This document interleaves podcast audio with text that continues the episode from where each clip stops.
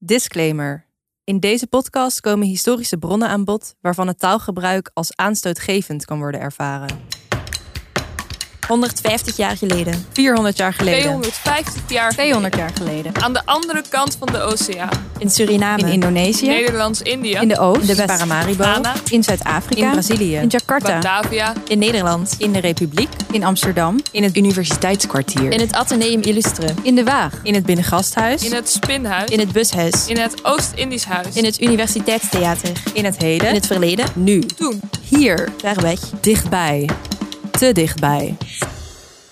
Wij zijn Iris, Laura, Maaike en Maartje en je luistert naar Far Too Close. Een podcast over het koloniale verleden van het Universiteitskwartier in Amsterdam. Welke verhalen huizen er in de gebouwen waar we college volgen en studeren? En wat moeten we vandaag de dag met een verleden dat zo ver weg voelt, maar eigenlijk nog heel dichtbij is?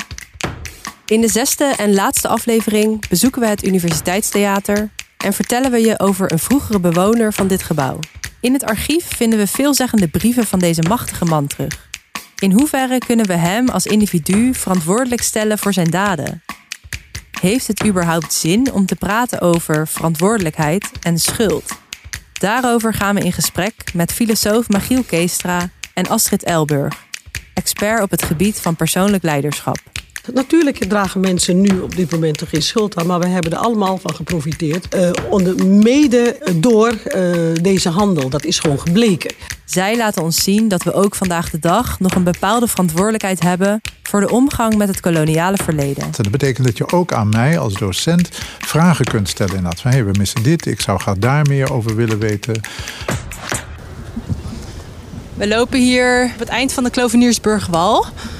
En als je nu naar de overkant van het water kijkt, zie je prominent aanwezige terras van Café de Jaren. En daarnaast zie je het Universiteitstheater. Ja. Staat er ook op in grote letters. Meteen ook het laatste gebouw van deze podcast. En dus ook de laatste aflevering. En de deur ging net op miraculeuze wijze open. Yes, we staan nu aan de ingang. Ga gewoon even binnenlopen. Toch? Laura valt over de entree.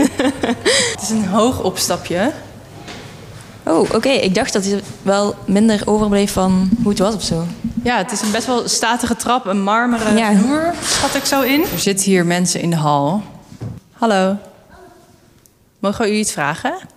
Wat weet u van de geschiedenis van dit gebouw? En dat Rembrandt hier schijnbaar gewoond heeft. Of eh, gele- geleefd heeft, heel kort. En in het gedeelte hiernaast, waar ik nu naar links wijs, daar heeft het oude huis van Rembrandt gestaan. Hangt ook nog een plaket op de muur, kun je het lezen. Ja, ik vind het heel gaaf. Als je zo even in mijn kantoor kijkt, dan zie je het plafond dat nog gewoon authentiek is. We lopen binnen in het kantoor.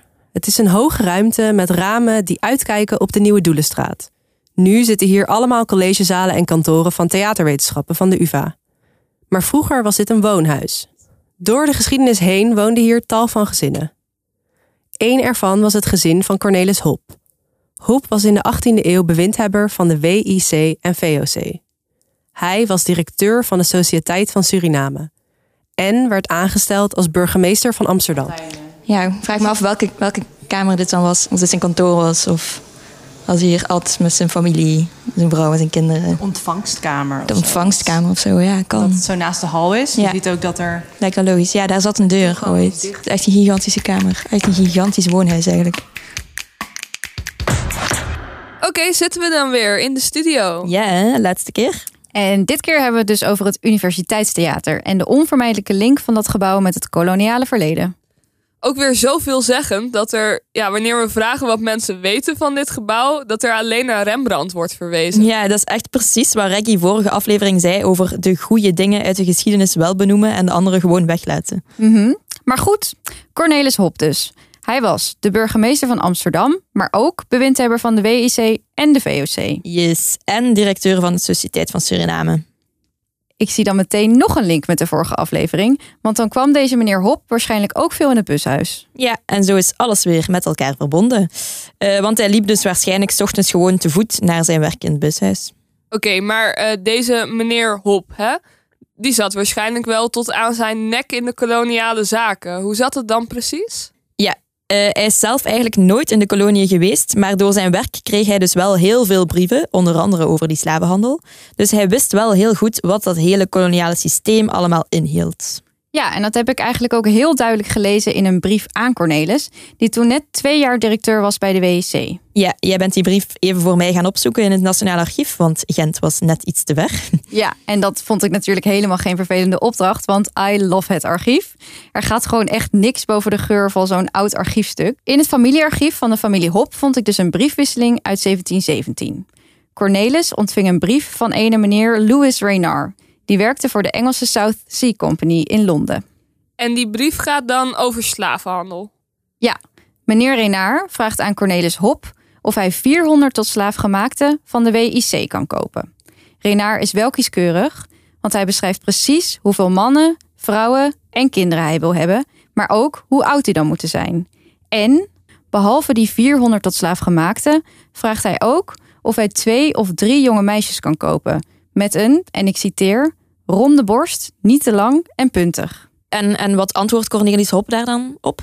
Uh, Cornelis schrijft terug, en ik citeer, The women as near as possible to be all virgins, en iets verderop, 400 negroes is a, is a supposed quantity. The company is willing to engage for more. Dus we weten nu dat Cornelis betrokken was bij de handel in tot slaafgemaakte mensen. Maar weten we ook wat zijn persoonlijke mening daarover was? Had hij bijvoorbeeld uh, morele bezwaren, zoals we ook eerder zagen bij Barleus in de eerste aflevering? Ja, dat is lastiger. Um, ik heb verder namelijk geen bronnen gevonden waaruit we kunnen opmaken wat dus zijn persoonlijke mening was over slavernij. Vaak wordt over het koloniale verleden gepraat in termen van verantwoordelijkheid, schuld, dader en slachtoffer. Het leidt vaak tot hevige discussies. Wie draagt schuld?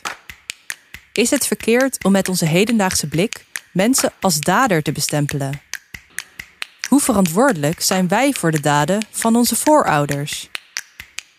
Het zijn lastige vragen waar wij zelf ook niet het antwoord op weten. Daarom gaan we in gesprek met Magiel Keestra en Astrid Elburg.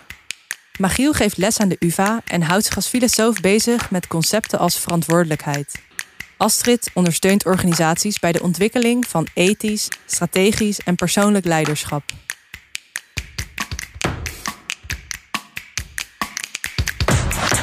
Dag Astrid en Magiel, welkom in de podcast. Magiel, jij bent verbonden aan de UvA en je bent actief in de Diversity Office. Je bent hoogleraar en medeoprichter van de Kitty Kotti tafels.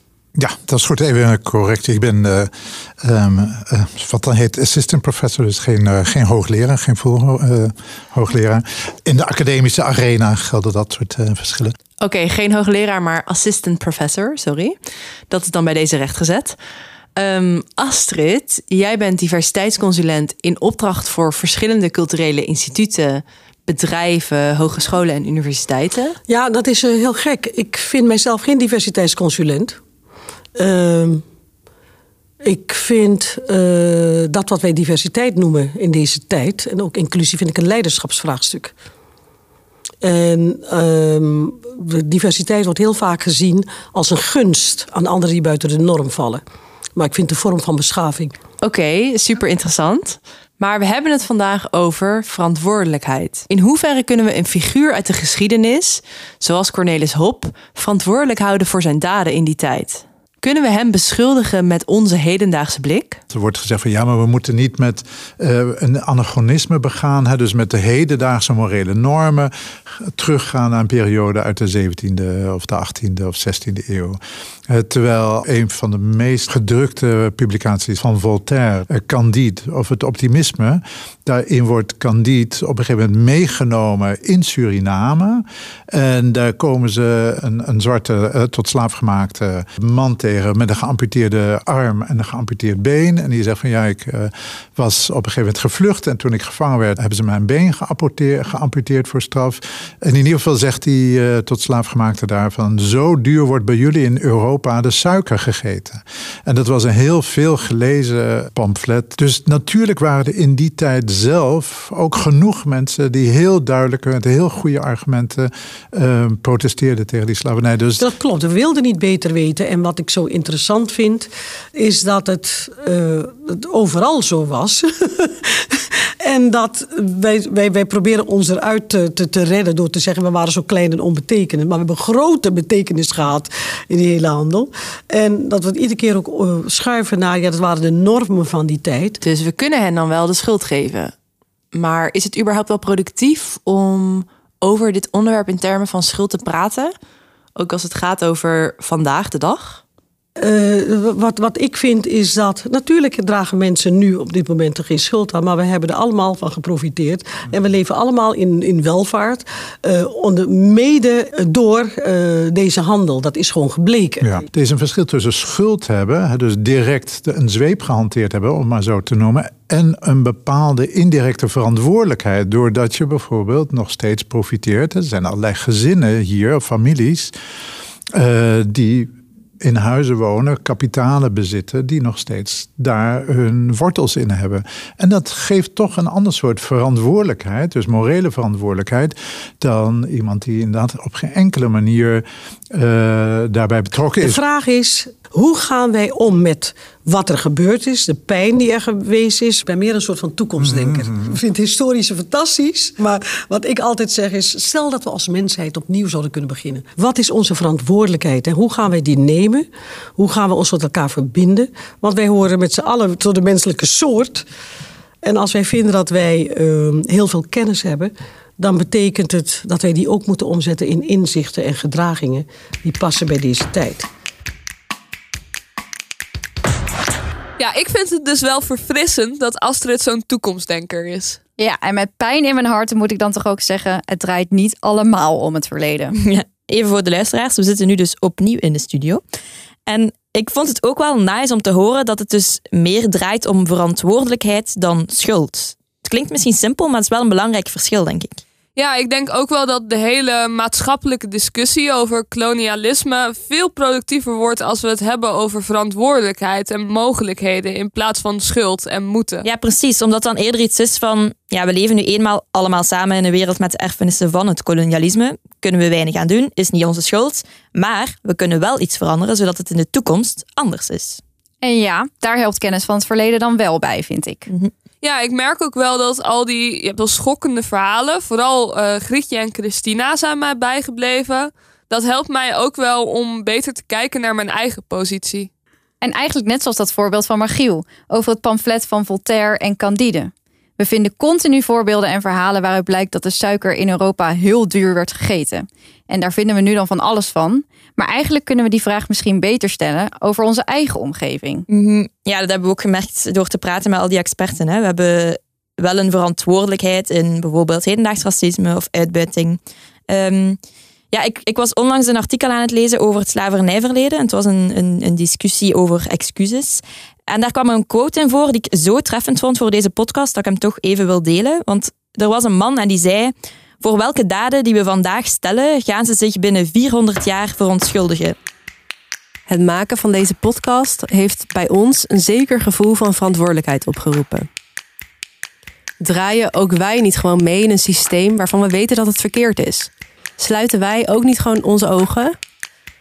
Misschien kunnen we wel meer doen als individu, maar hoe dan? Hoe verander je met je eigen kleine handelingen een systeem wat zo groot is? We hadden het met Astrid en Magiel ook over die vraag, over hoe we nu verder moeten. Als persoon, maar ook als universiteit.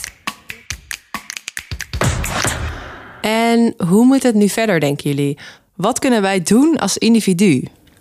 Ja, en ik denk de, de, de, het engagement en de empathie Ja, opbrengen. Hè? Want ik ja. moet zeggen dat ik vorig jaar eh, was George Floyd. Ja. Met, eh, toen de Black Lives Matter demonstraties. En ik heb ehm, dus die, ehm, die gevoeligheid die er misschien vanwege corona ook was... waardoor iedereen al een beetje eh, Ja, wat wankel was. was, inderdaad...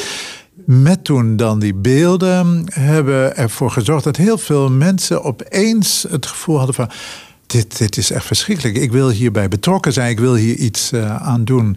En dat gaf, uh, denk ik, veel mensen, mij mijzelf ook wel hoop. En dan willen mensen zich echt ervoor uh, engageren. Maar dat, maar dat moeten we wel vast zien te daar houden. moeten we vast zien te houden, woorden voor vinden, ja. omstandigheden creëren. Je hebt gezien bij de demonstraties, die waren zo ontzettend gemengd dat je dacht: ja. dit is een kans. Ja, ja, ja, totaal.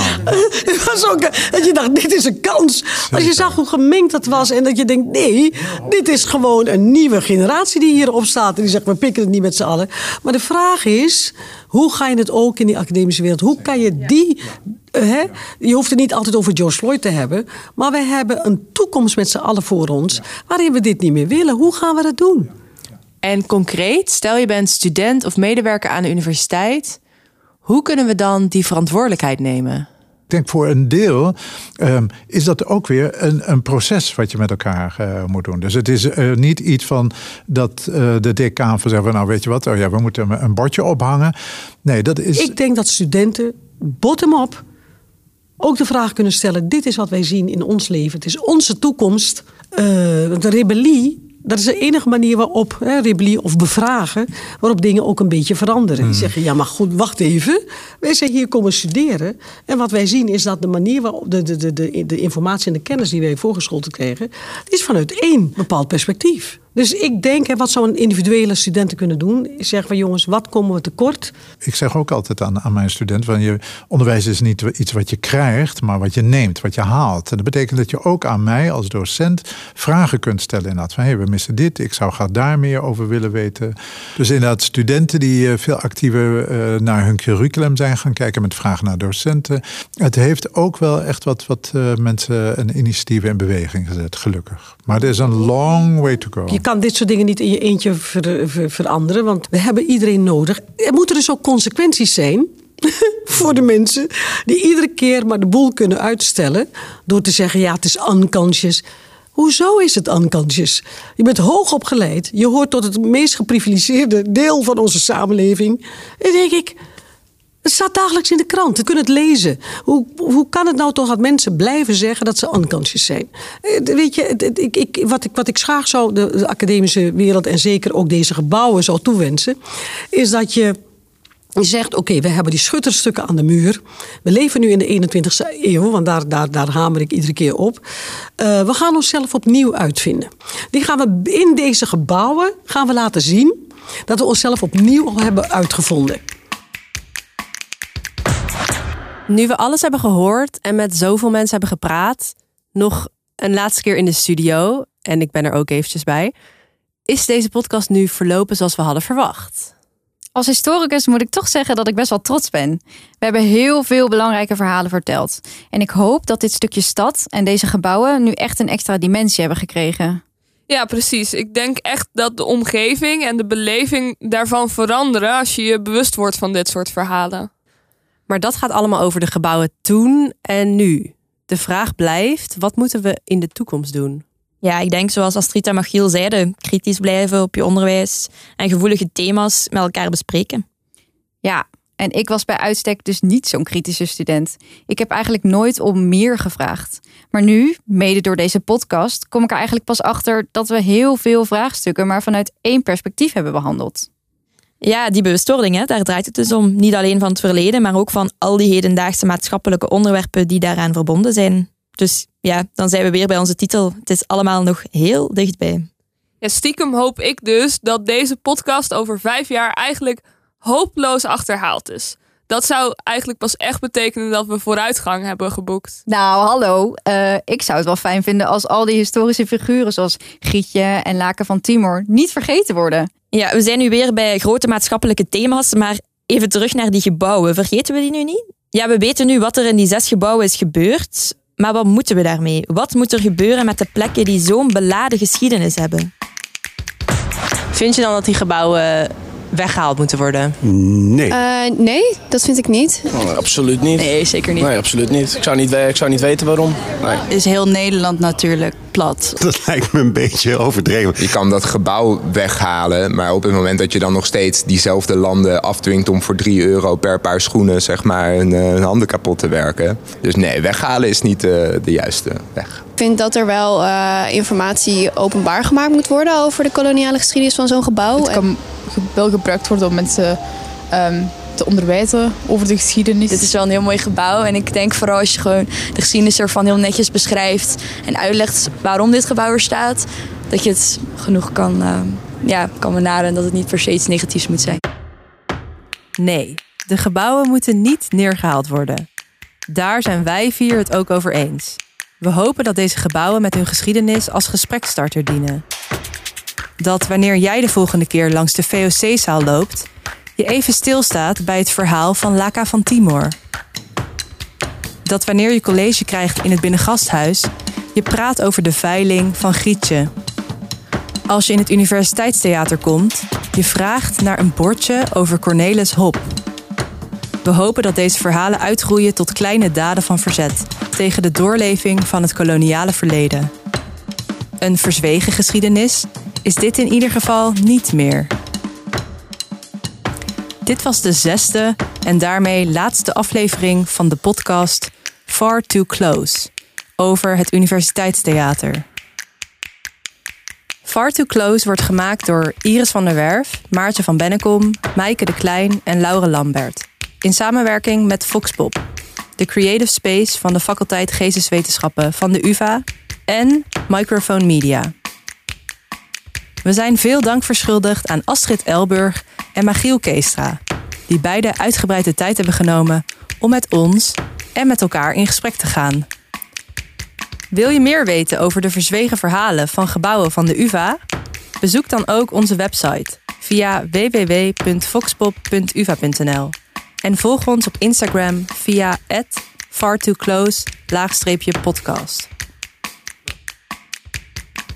Deze podcast kwam tot stand met de steun van faculteiten en instituten van de Universiteit van Amsterdam en de Koninklijke Nederlandse Academie van Wetenschappen.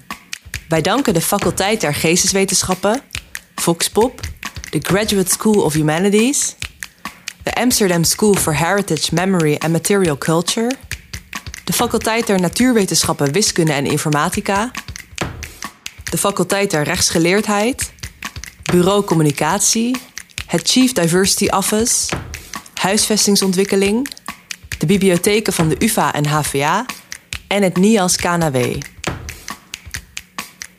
Ook heel veel dank aan iedereen die ons tijdens het proces heeft geholpen en van advies heeft voorzien. Met een speciale vermelding voor Ganima Kosolea, de initiatiefnemer van deze podcast, en voor onze docenten van de Master Publieksgeschiedenis, Laura van Hasselt en Paul Knevel, die dit project mede mogelijk hebben gemaakt.